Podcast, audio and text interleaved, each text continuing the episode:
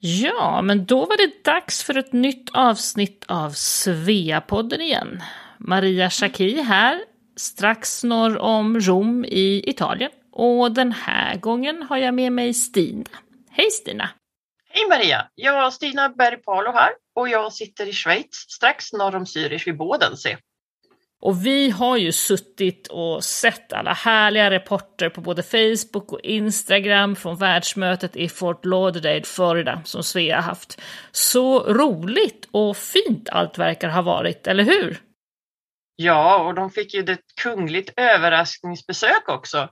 Prinsessan Madeleine kom ju förbi och berättade om sitt viktiga arbete i Childhood Foundation. Och i samband med detta fick hon ju också ett hedersmedlemskap i Svea Florida och det var ju roligt. Och i dagens avsnitt är vi också i USA, fast på andra sidan.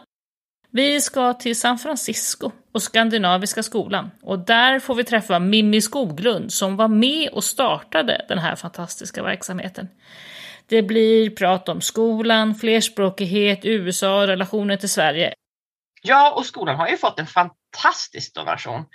Svea San Francisco har ju donerat 25 000 dollar till verksamheten och vår underbara Barbro Oscher har ju genom sin stiftelse Prosuesia Foundation matchat det med lika mycket. Så 50 000 dollar har de fått och det är ju riktigt bra. Ja, och det här är ju Svea när det är som bäst. Vi är ju inte bara en vänskapsförening, utan också en stor Sverigefrämjande välgörenhetsorganisation, så det är perfekt. Ja, verkligen härligt. Men nu lyssnar vi på Mimmi tycker jag.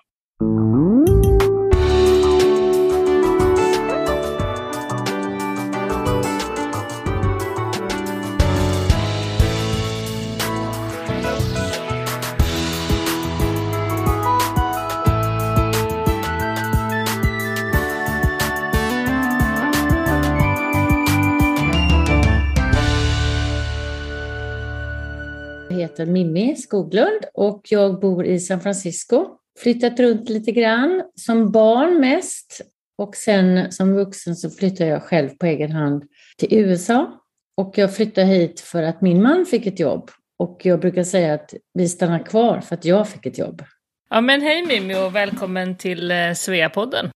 Idag är vi ju faktiskt, det kom vi på Stina och jag när vi eh, förberedde det här, att vi är ju tre pedagoger som ska prata ihop, eller hur Stina? Ja, eh, jag har ju läst till fritidspedagog och du Maria? Jo men jag är ju förskollärare och montessorilärare och rektor och sådär. Så jag tänker ju att vi såklart kommer att prata en hel del om Svenska skolan i San Francisco, undervisningen där, flerspråkighet och, och allt sånt där idag. Ja, precis. Men innan vi startar med det, kan inte du berätta Mimi hur det kommer sig att du hamnade i San Francisco? Ja, det var ju då min man som fick ett erbjudande om ett jobb här och vi var i New York först. Och jag som bara skulle bo i USA ett år tänkte okej, okay, lite till då, bara lite till. Så vi flyttade hit och eh, han började jobba och under tiden så skulle jag då Ja, jag skulle få ett green card, jag skulle få ett arbetstillstånd och sen när jag jobbat så kanske, vi, ja, då kanske man skulle ha barn och sådär. Men så blev det helt omvänt istället. Det började med att vi fick barn och sen fick jag green card. Och när vår första eh, son var född, han var sex veckor gammal, så gick jag på en lekgrupp på Norska Sjömanskyrkan och han var sex veckor gammal och där sitter ju Kristina och Annika och så säger de, bland många andra föräldrar som satt där också, men de två sitter och säger att vi har funderat på att starta en förskola, men vi har ingen lärare. Och då räcker jag upp handen och jag säger, här är jag. Så de intervjuar mig. och jag fick jobbet med en gång, tror jag. Mm. Så på den vägen är det. Och eh, jag är fortfarande kvar här och det var ju, vi flyttade till USA 99 och det som skulle bli ett år är ju snart, ja, det är ju över 20 år nu så att, och jag är fortfarande kvar. Var är hemma i Sverige? I Göteborg. Hur är livet i San Francisco? Um, hur, hur bor folk? Är det dyrt och sådär? Alltså, jag har hört lite på sistone att, att klyftorna växer och att det är en stad som börjar få lite problem och sådär. Stämmer det? Vad, vad ser du av, av det här? Um, Ja, faktiskt, det stämmer. Jag tycker att jag ser mer hemlösa på gatorna de sista åren. Och eh, såklart under pandemin så har man ju fått se en hel, en liten annan stadsbild. På gott och ont måste jag säga, för att eh, grannsamverkan har ju liksom, inte bara samverkan, men umgänget har också förändrats under pandemin. När man inte kunde resa, när man inte ens, alltså, när man blev isolerad, då plötsligt blev så började man titta sig runt omkring istället och så såg man grannar som man har bott med i många, många år, som man aldrig har pratat med innan. Så det var ju lite roligt. Men man såg också fler och fler hemlösa, redan liksom utsatta människor, de blev ju, hade, fick ju ännu svårare. Så att ja visst, det syntes ju. Och det sattes upp hela sådana här äh, tältläger för att stötta och hjälpa alla de här hemlösa. Mm. Men hur är livet i övrigt då i San Francisco? Hur bor man? Hur är boendestandarden och så för vanliga människor så att säga? Ja, alltså har man jobb och skola och allting sånt som fungerar och sjukförsäkring och sånt så då lever man ju ett ganska bra liv här. Det finns mycket att välja på, det finns många olika allt från olika sorters mat till olika sorters eh, kulturellt eh, utbyte som man kan ta del av här och det finns Ja, det finns mycket att göra tycker jag. Det finns mycket, mycket som är gratis också. Som man bara kan gå runt i stan och upptäcka och få göra och museum och allt vad det heter. Och, och sen finns det också en otrolig gemenskap här tycker jag. Och det finns det ju säkert på alla andra ställen också. Men jag upplever i alla fall att jag har ju min lilla, vad ska jag kalla det för, oas på min arbetsplats som också blir en community. Vi pratar mycket om community här. Och det är klart att det är många som drar i en. Allas community eh, är ju viktiga och barnens fotbollscommunity är viktig och barnens skolcommunity är viktig. Och, och man kan ju bara göra så mycket så att eh, det finns ju bara så mycket tid. Så att, eh, för mig har min, mitt arbete också blivit min community som är min familj som inte finns här. Så man hittar liksom ja, vet, man har samma erfarenheter och man relaterar på samma sätt med olika... Ja.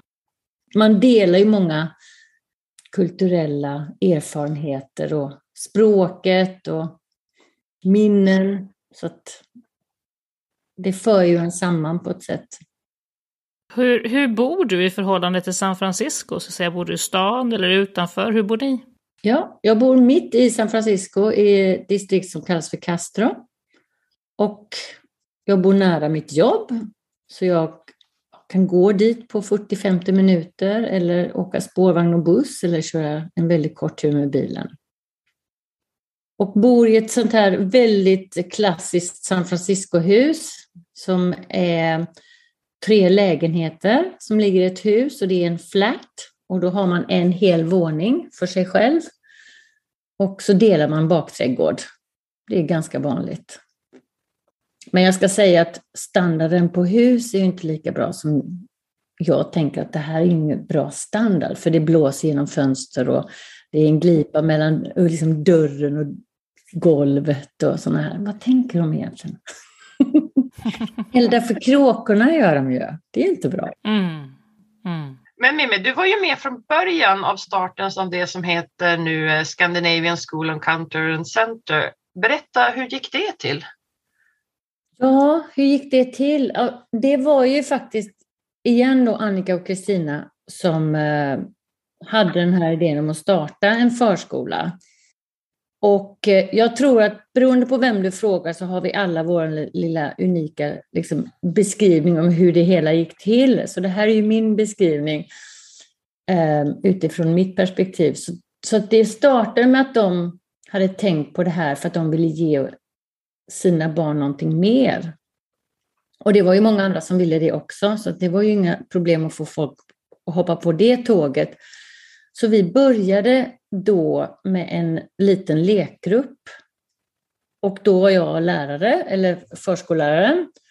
Men från början så pratade de om en förskola och jag tänkte, men det här är ju ingen förskola. En förskola, det är ju liksom något man går till varje dag, det är hela dagen. Och det är ju också inte bara för att lära sig att vara tillsammans och leka och allt vad det innebär, utan det handlar om en omsorgsfråga också. Och det var inte det som de här föräldrarna var ute efter. Så det var inte så vi startade, utan vi startade då som en gång i veckan, en lekgrupp som träffades två timmar. Och hade kul och vi släpade väskor och grejer fram och tillbaka och jag skulle planera aktiviteter och samlingar och aktiviteter som kunde påbörjas och avslutas på ett och samma tillfälle. Och så höll vi på i två år. Och det växte och växte. Och jag tror att om jag minns rätt så kanske vi började med 11 barn. Och efter två år så hade vi 50 barn. Och blivit, det hade liksom som små svampar som växte ur, ur marken där, liksom blev en grupp, en till grupp och en till grupp. Och så delade vi in oss i åldersgrupper och så, och så blev de som började då för två tidigare två år, de hade ju blivit lite större nu så nu fick de vara med i en större grupp. Och sen hade vi en skolgrupp och så, du vet, så det växte sådär.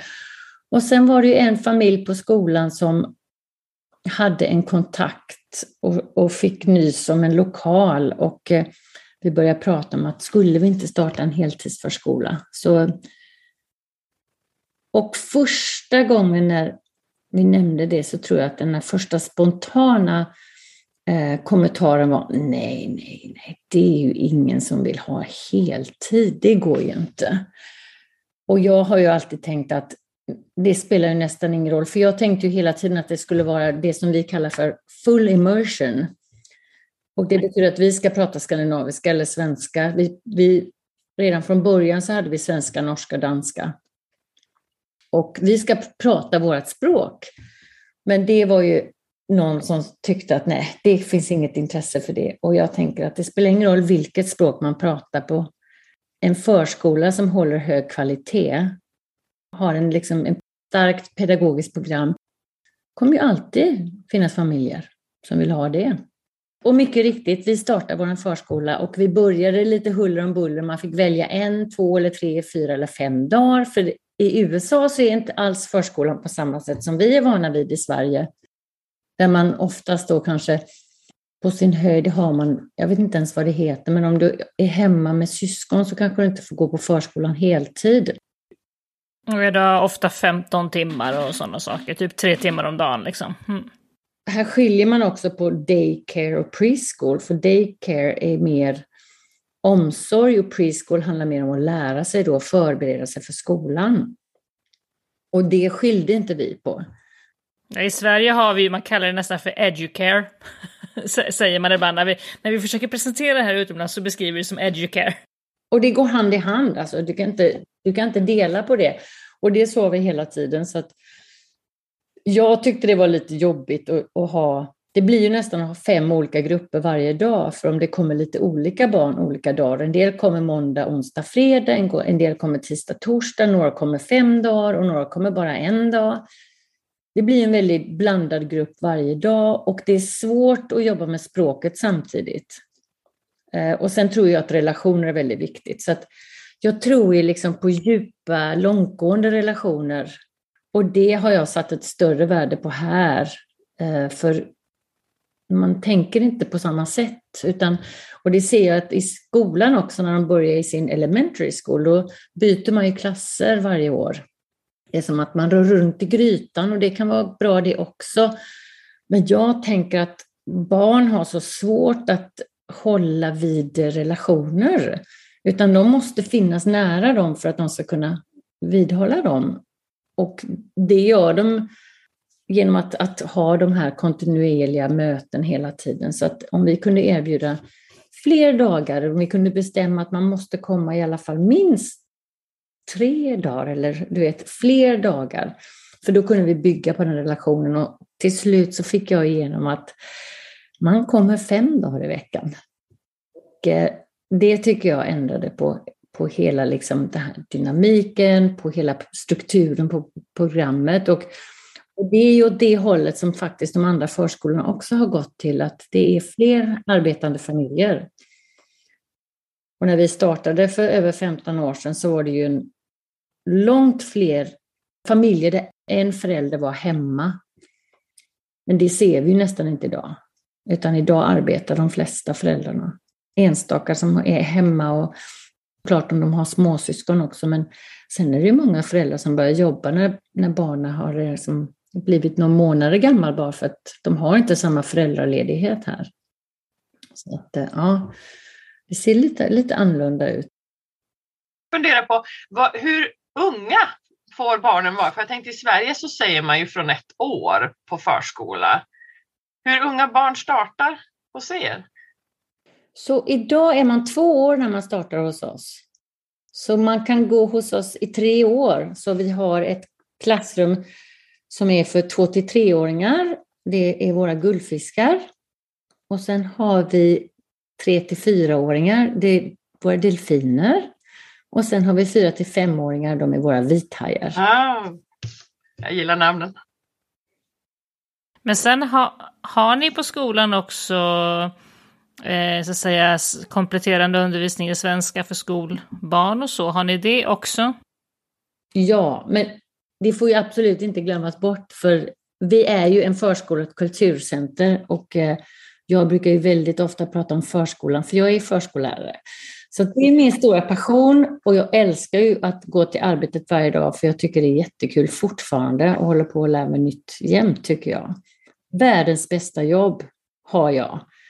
Men vi har också en annan verksamhet på skolan. För alla barn som har gått på förskolan så har vi en grupp som träffas en gång i veckan. Efter att de när de börjar skolan så kan de få komma tillbaka till oss en gång i veckan och fortsätta liksom att behålla sina vänner och relationerna med dem och eh, språket också. Så att det finns en möjlighet för dem att eh, lära sig svenska lite mer och då fokuserar man lite mer på att läsa, skriva och sådana saker. Men då följer vi en läroplan som finns eh, som kommer från Sverige för Svenska skolan i utlandet. Då. Och den här kompletterande svenska? Ja, ja precis. Och sen har vi mycket annan verksamhet också som är bara en gång i veckan.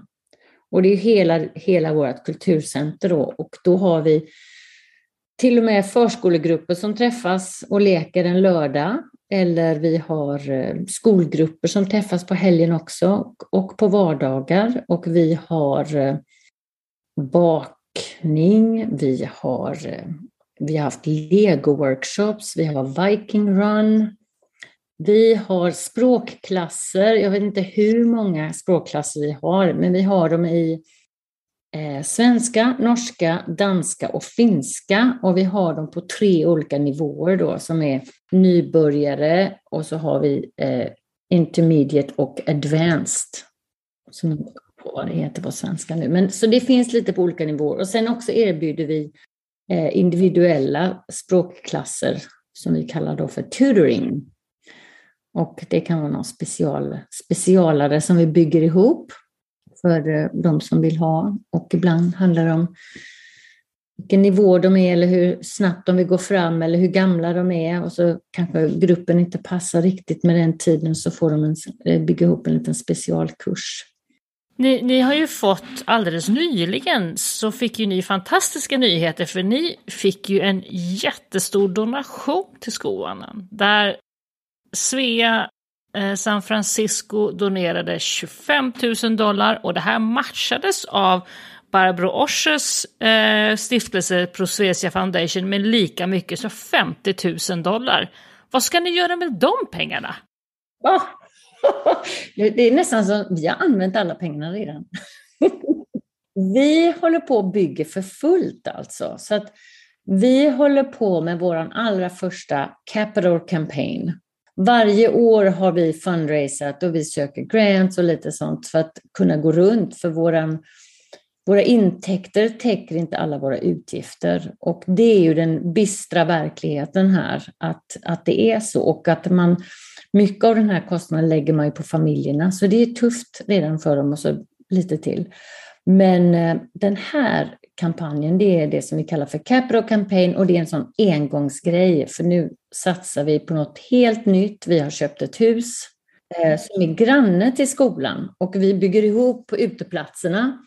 Och eh, så ena huset som vi har varit i i över 15 år, det hyr vi av en kyrka som ligger precis bredvid oss. Och granne med vårt skolhus och kyrkan är ett annat hus då som en, ett äldre par har bott i och flyttade och sen sålde de det till oss eh, efter lite tur ska jag säga, eh, så fick vi köpt det och sen skulle vi starta den här Capro-kampanjen och vi var ju tvungna att lära oss om Capro-kampanjen också, för det är ett jättejobb.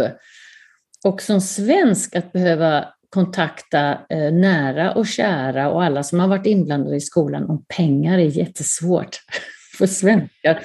För det är så, liksom det, det kan jag fortfarande inte riktigt ta in att jag ska behöva be om pengar. Eh, det känns så svårt. Men utan det kan vi inte klara oss. Så vi måste göra det.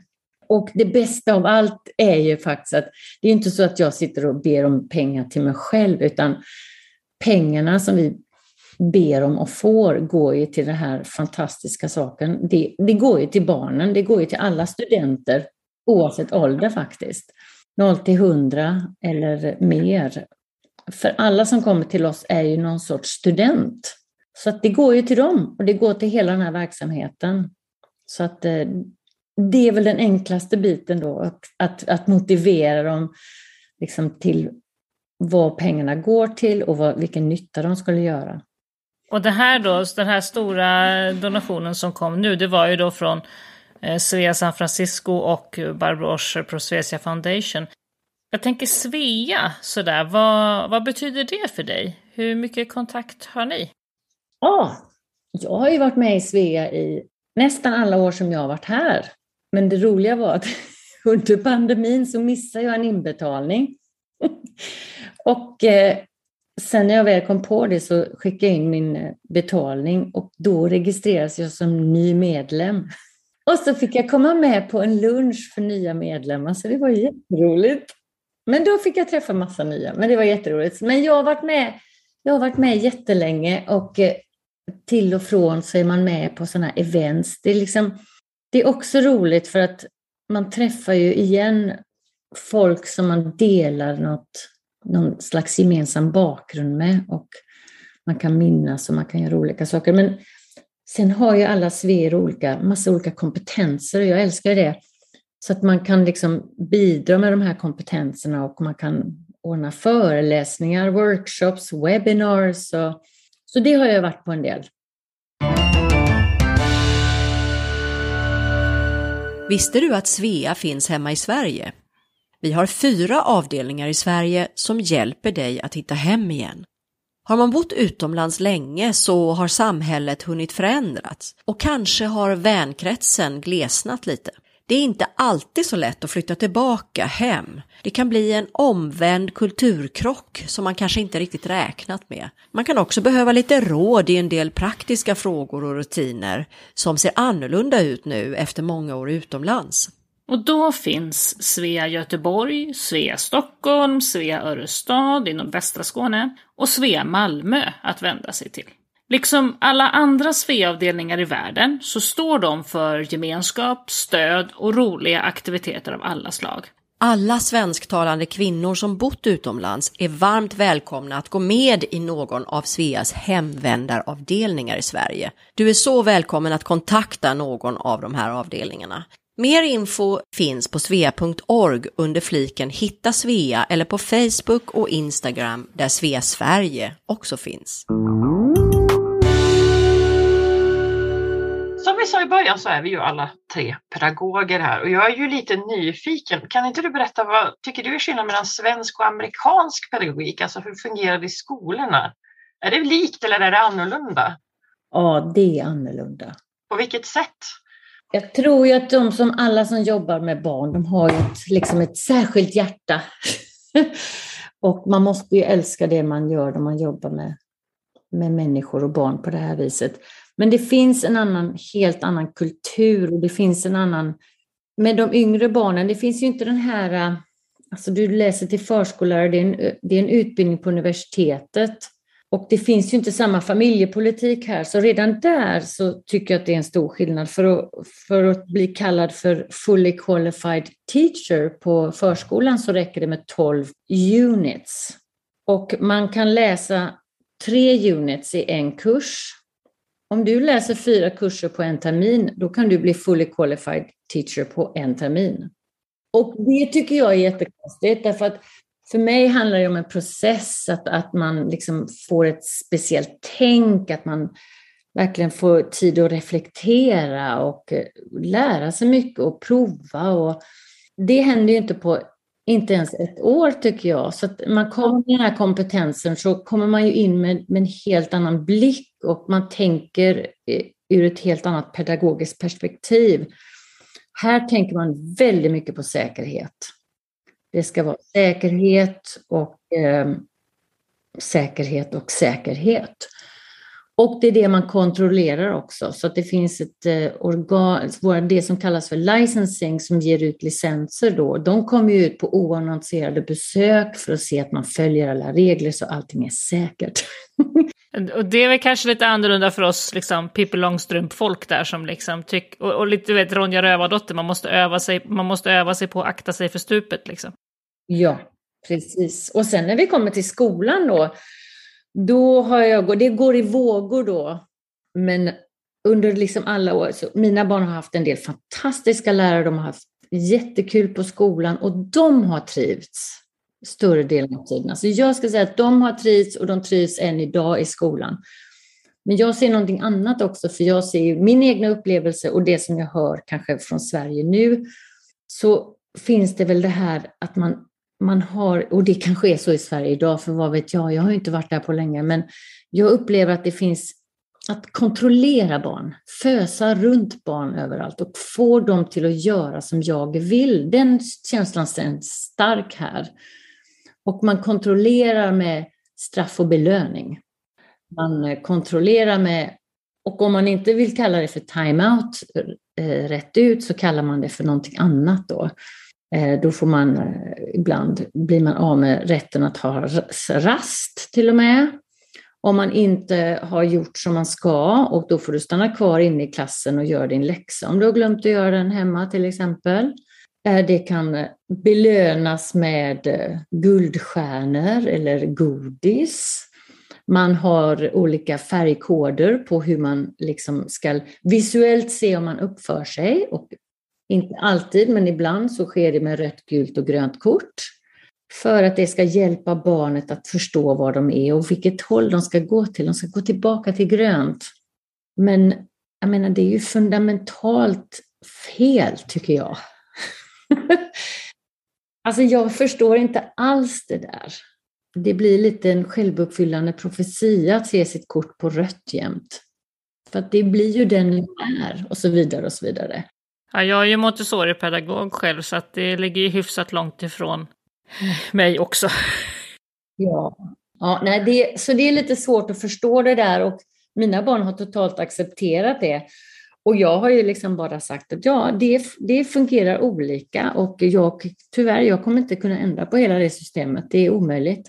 Men man kan förklara och man kan finnas där och när det känns orättvist. Alltså, det ska väntas i led och man ska vänta på något av det värsta jag, som jag upplever är lite det här att om ett barn gör fel så straffas hela gruppen. Du kunde inte sitta still nu och det gjorde så att vi fick vänta och vi kommer inte gå någonstans förrän du kan sitta still eller stå still eller göra som allt för nu ska alla stå i ledet här. Så det är ett barn som inte klarar av att leva upp till de här förväntningarna och eh, då så får hela gruppen stå och vänta och det är straffet i sig tycker jag då. Och då kan ju det utvecklas till att de andra barnen faktiskt börjar liksom känna någon slags, ja, vi gillar inte det här barnet för det förstör för oss. Och det blir också väldigt liksom den här empatin för att vi är olika och vi behöver hjälpa den här eleven och, och, och lära sig det här. Hur kan vi hjälpas åt att han förstår det här? Mm. Och, och nu, nu kommer jag med allt all negativt och sånt där också. Jag måste också säga det positiva här då. Det är den här familje, vad ska man säga, volontärverksamheten som finns här. Eh, många, många familjer är med och volontärer på skolan. De är inne i klassrummen och gör scheman och man får volontära. på jag. Jag själv volontärade på, inte vet jag, var det tisdag mellan eh, Eh, 8 och 10 på morgonen fick jag vara inne och hjälpa till i klassrummet och det var jättekul för man lär inte känna inte bara lär känna liksom läraren och vad, som, vad de gör i klassen, man lär känna klasskamraterna och sånt där, så det är också jättekul. nej men det, var, det är jättekul att få vara med och volontära och det ordnades stora liksom, events och kulturdagar och vi hade något som kallas för Dogfest och det var ju också en fundraising då såklart. Men det var trädgårdsdagar och det var alla möjliga. Vi kom och gjorde, vi målade om på skolan och alltså det gör ju också att föräldrarna får en chans att lära känna varandra och där alla liksom också får den här upplevelsen av att vi drar åt samma håll. Vi gör det här för våra barn. Så det var jättekul. Så det, det tror jag att skulle vara jättekul om man kunde få, få in mer sånt i Sverige. Eller överallt för den delen. Ni lever ju i en helsvensk familj. Både du och Janne är ju svenskar så att säga. Så, så jag antar att det är ganska relativt enkelt för er att hålla det här med flerspråkigheten och svenskan vid liv. Men hur är det för familjerna du möter på skolan, på förskolan och skolan? Vad är det, de här familjerna som inte är helsvenska, vad är deras största utmaningar med, med språket? Ja, det är så individuellt alltså. Det är så svårt att ge ett bra svar på det. Det är väl lika väl som jag ser att barnen har olika, liksom, de har väldigt här, olika språkpersonligheter. En del plockar ju upp ett ord här och ett ord där och börjar använda ett nytt språk nästan med en gång och andra väntar ju och så finns det allt det där emellan. Och en del blandar mycket och en del är jättebra på liksom att sortera språken. Så att, alltså då, och, och en del är som papegojor, de bara upprepar allt utan att förstå något. Alltså det är jättekul att se. Och jag tänker nästan att föräldrarna är också sådär. De är väldigt sådär, olika språkpersonligheter. En del märker ju inte ens om de byter språk. Och jag är väldigt observant på det. Så fort jag, alltså jag är en grupp med människor och det är två språk som går, alltså det är en engelskspråkig och en svenskspråkig, då pratar vi engelska. Så fort den engelskspråkiga kanske går, då slår jag över direkt till svenska. För jag är liksom hela tiden obs på vem som pratar vad. Och jag byter språk, medan andra som jag kan prata med kan fortsätta prata engelska ända tills kanske jag säger, ja men vi kan ju prata svenska nu. Ja, gud, det tänkte jag inte ens på. Så det är så olika det där, eller, och, och hur en del har svårt. Det beror ju lite själv på var de ligger i, liksom hur mycket svenska de själva kan och hur trygga de är i det språket. Så att det är inte alla våra familjer som har ett skandinaviskt språk bakom sig. Så att en del kommer ju liksom med något, bara engelska eller några andra språk. Så att eh, vi jobbar med alla sorters familjer och om, om man vill att ens barn ska lära sig ett annat språk så är det framförallt kvantitet. Kvalitet är strunt samma. Kvantitet, det ska bara pratas alltså. Eh, sen om det är om man bryter eller om det är dålig grammatik, det spelar ingen roll för sånt där kan man ju rätta till sen.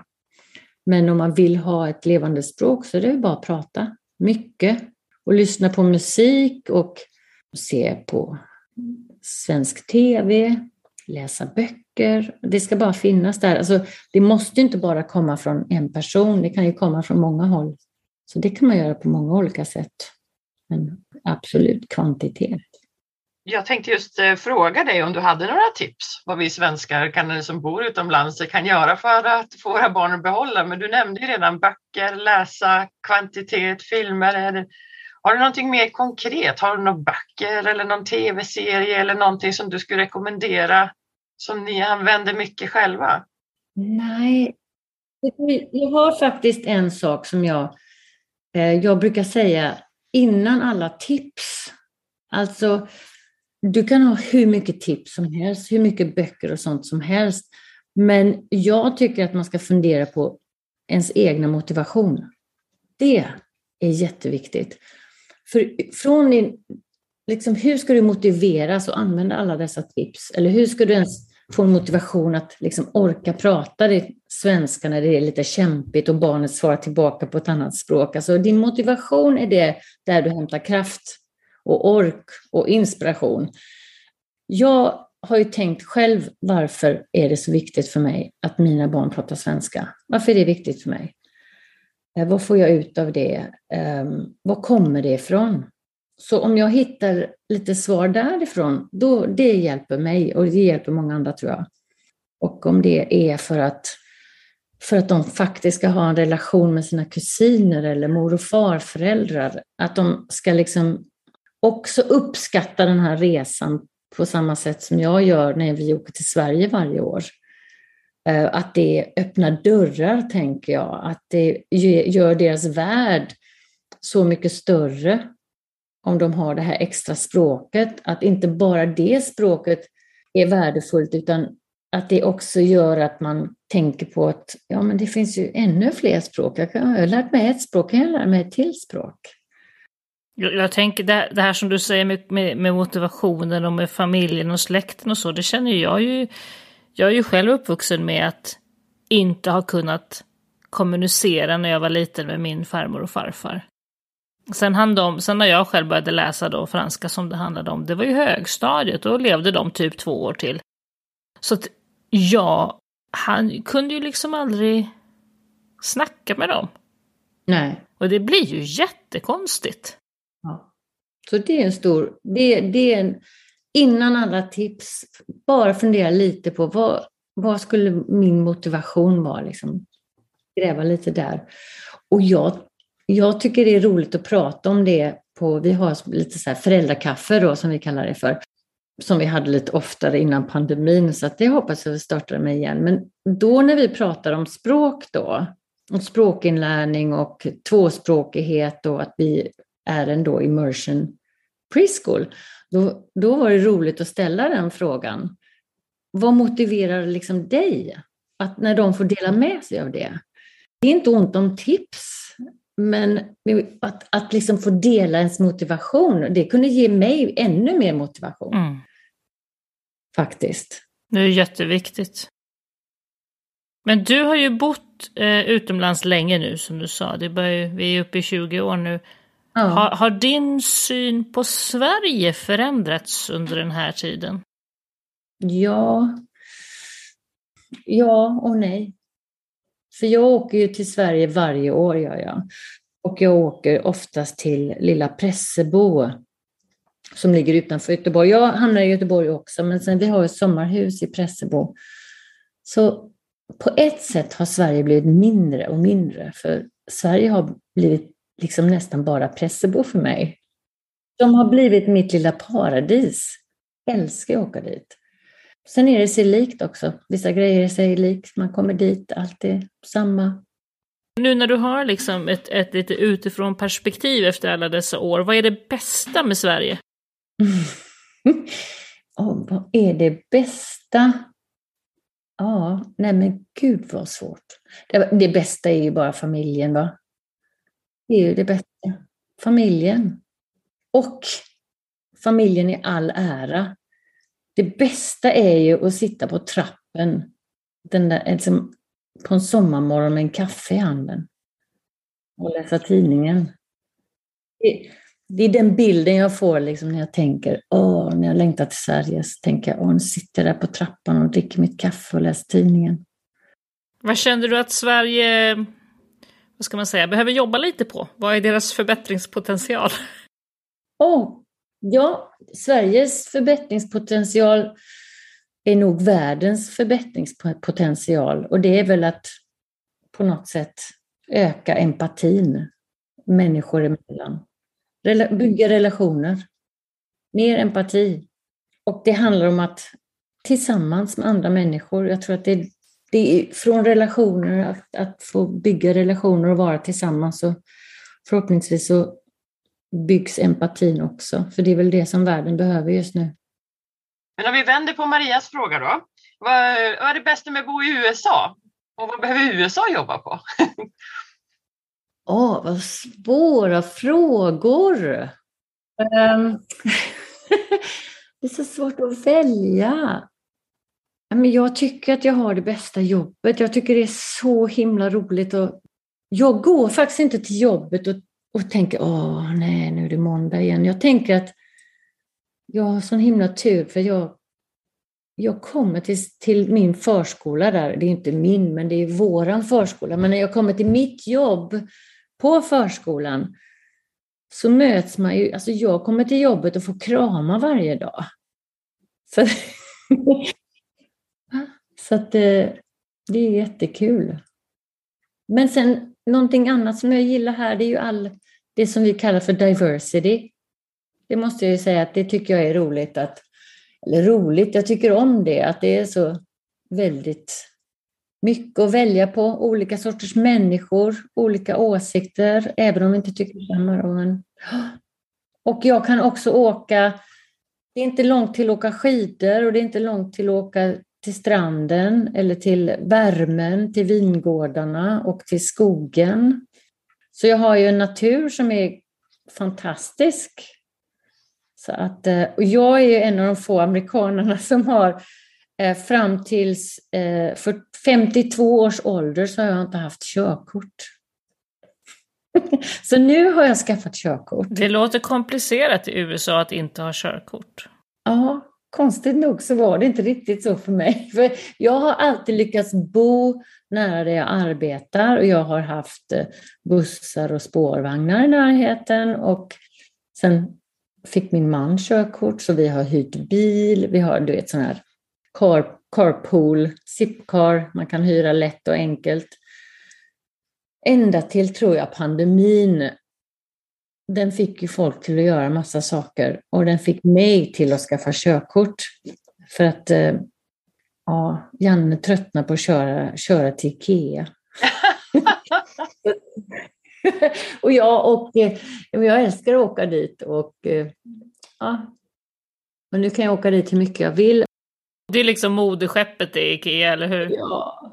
ja, man kan åka dit och äta lite och gå runt och känna sig hemma. Det är olika det där, men jag gillar det. Och sen var det många under pandemin som flyttade. Så då blev jag så där, ja men hur ska jag nu komma och hälsa på dem? Så att, en ny värld för mig. Hur ser du på framtiden? Blir ni kvar i USA? Jag är ju född i Sverige och jag växte upp i Frankrike och Belgien. Där bodde jag som barn. Och sen åkte jag som au pair till Island. Och sen har jag halva mitt liv bott här jag kan inte tänka mig att jag kommer bo kvar här resten av mitt liv. Men om det blir tillbaka till Sverige, det kan man inte vara så säker på. Man vet inte. Men jag, jag tänker, jag säger massa saker. Så en sak som jag säger är ju att jag ska bli pensionär i Sverige. I Pressebo tänkte jag.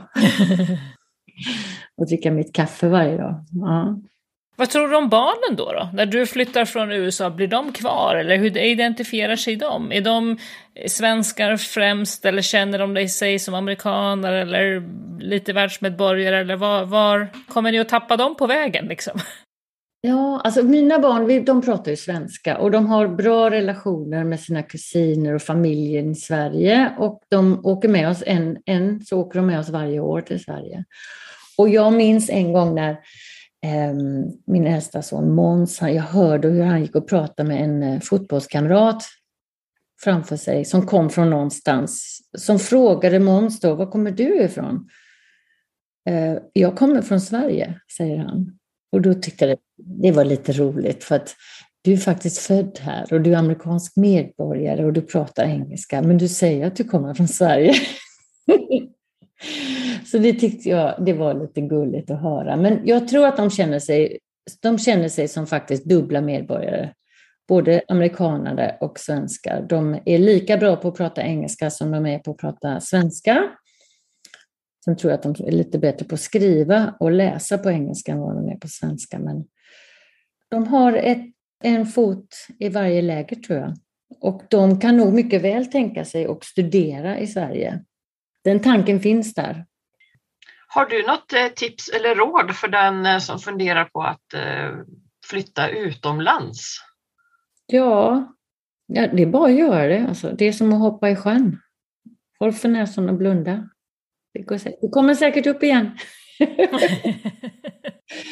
Nej, men jag tror ju att det är jättespännande att flytta och få vara med om något nytt. Och Alltså har man lyxen att flytta någonstans där det finns en organisation som heter Svea så är det ju jättelätt. För du kan ju bara kontakta Svea och sen är du plötsligt med ett, ett stort nätverk av folk som vill hitta på saker och göra och dela med sig och åka runt. Och, det är ju oändligt mycket att göra då. Och guida till det nya landet och orten och stödja. Och alla upplever ju sin flytt väldigt olika, tror jag. Så att eh, det finns säkert någon som man delar den upplevelsen med, eller någon som kan visa någonting annat. Så att, eh. Och så måste vi, måste vi få lite tips kring San Francisco också. Om man kommer som turist till San Francisco, vad ska man göra om man är på besök i stan? Ja, ja då ska man, då tycker jag att visst, jag tror att ut, jag behöver inte säga att man ska Kommer, folk kommer att åka och titta på Golden Gate-bron och de kanske åker ner till Fisherman's Wharf och, och, och de kommer att åka lite utanför och titta på någon vingård. Men jag tycker att man ska liksom försöka eh, kanske staka ut några olika, det som vi kallar för neighborhoods. Så jag tycker att man ska gå till Mission och äta en riktig god burrito. Och sen ska man ta sig upp till någon av de högsta topparna, eh, kanske Twin Peaks, eh, och titta på utsikten. Och man ska strosa ner vid vattnet, man ska åka ner till Ocean Beach och gå på stranden. Och eh, man kommer ju hamna såklart nere i stan också. Downtown händer inte så mycket. Att det, händer, liksom, det är inte så att du... Jag tror att om vi går på roliga restauranger så ligger de ute i olika neighborhoods. Så det ska man eh, man ska ta sig liksom lite runt omkring och promenera mycket. Man går mycket här, det kan man göra. Och sen kan man ju åka spårvagn och buss. Kommunaltrafiken är jättebra. Och så är det väldigt, väldigt, väldigt kuperat, eller hur? Det är, en, är, det, är, är det världens backigaste stad? Ja, det kanske det är. Ja, och det är inte bara backigt utan det är också krokiga vägar och allt vad det heter. Mm. Så man kan gå mycket och ehm, Vädret är ju nästan alltid fint. Man ska alltid, oavsett hur varmt det är på dagen, ska man alltid ha med sig en extra tröja. För det blir alltid kallt på kvällen. Alltid. Och eh, man slipper släppa med sig kaffe från Sverige för nu finns det väldigt, väldigt gott kaffe här. Ja, det är viktigt för oss svenskar. Jag gör faktiskt det omvända. Jag har ett sånt himla bra kaffeställe här. Så nu tar jag med mig kaffe därifrån till Sverige. Okej. Okay. det, var första, det var första gången jag hört det. Mm. Ja, Mi, då vill vi väl avslutningsvis tacka dig för att du ville vara med i Sveapodden. Ja, tack så mycket. Tack för att du tog dig tid. Ja, tack så jättemycket själva. Jättekul. Tack för att du har lyssnat. Den här podden är inspelad och producerad för Svea International. Musiken är skriven för Svea av Fredrik Åkerblom. Alla vi som på olika sätt är involverade i produktionen gör detta som en del i vårt frivilliga engagemang för Svea. Sveapodden finns på de allra flesta ställen där du hittar poddar. iTunes, Google Podcasts, Spotify, Acast etc. Om du saknar något poddställe så skicka ett mejl till sveapodden gmail.com. Mer information om Svea hittar du på vår webbplats svea.org och i sociala medier så finns vi på Facebook, Instagram och LinkedIn och där hittar du oss som Svea International.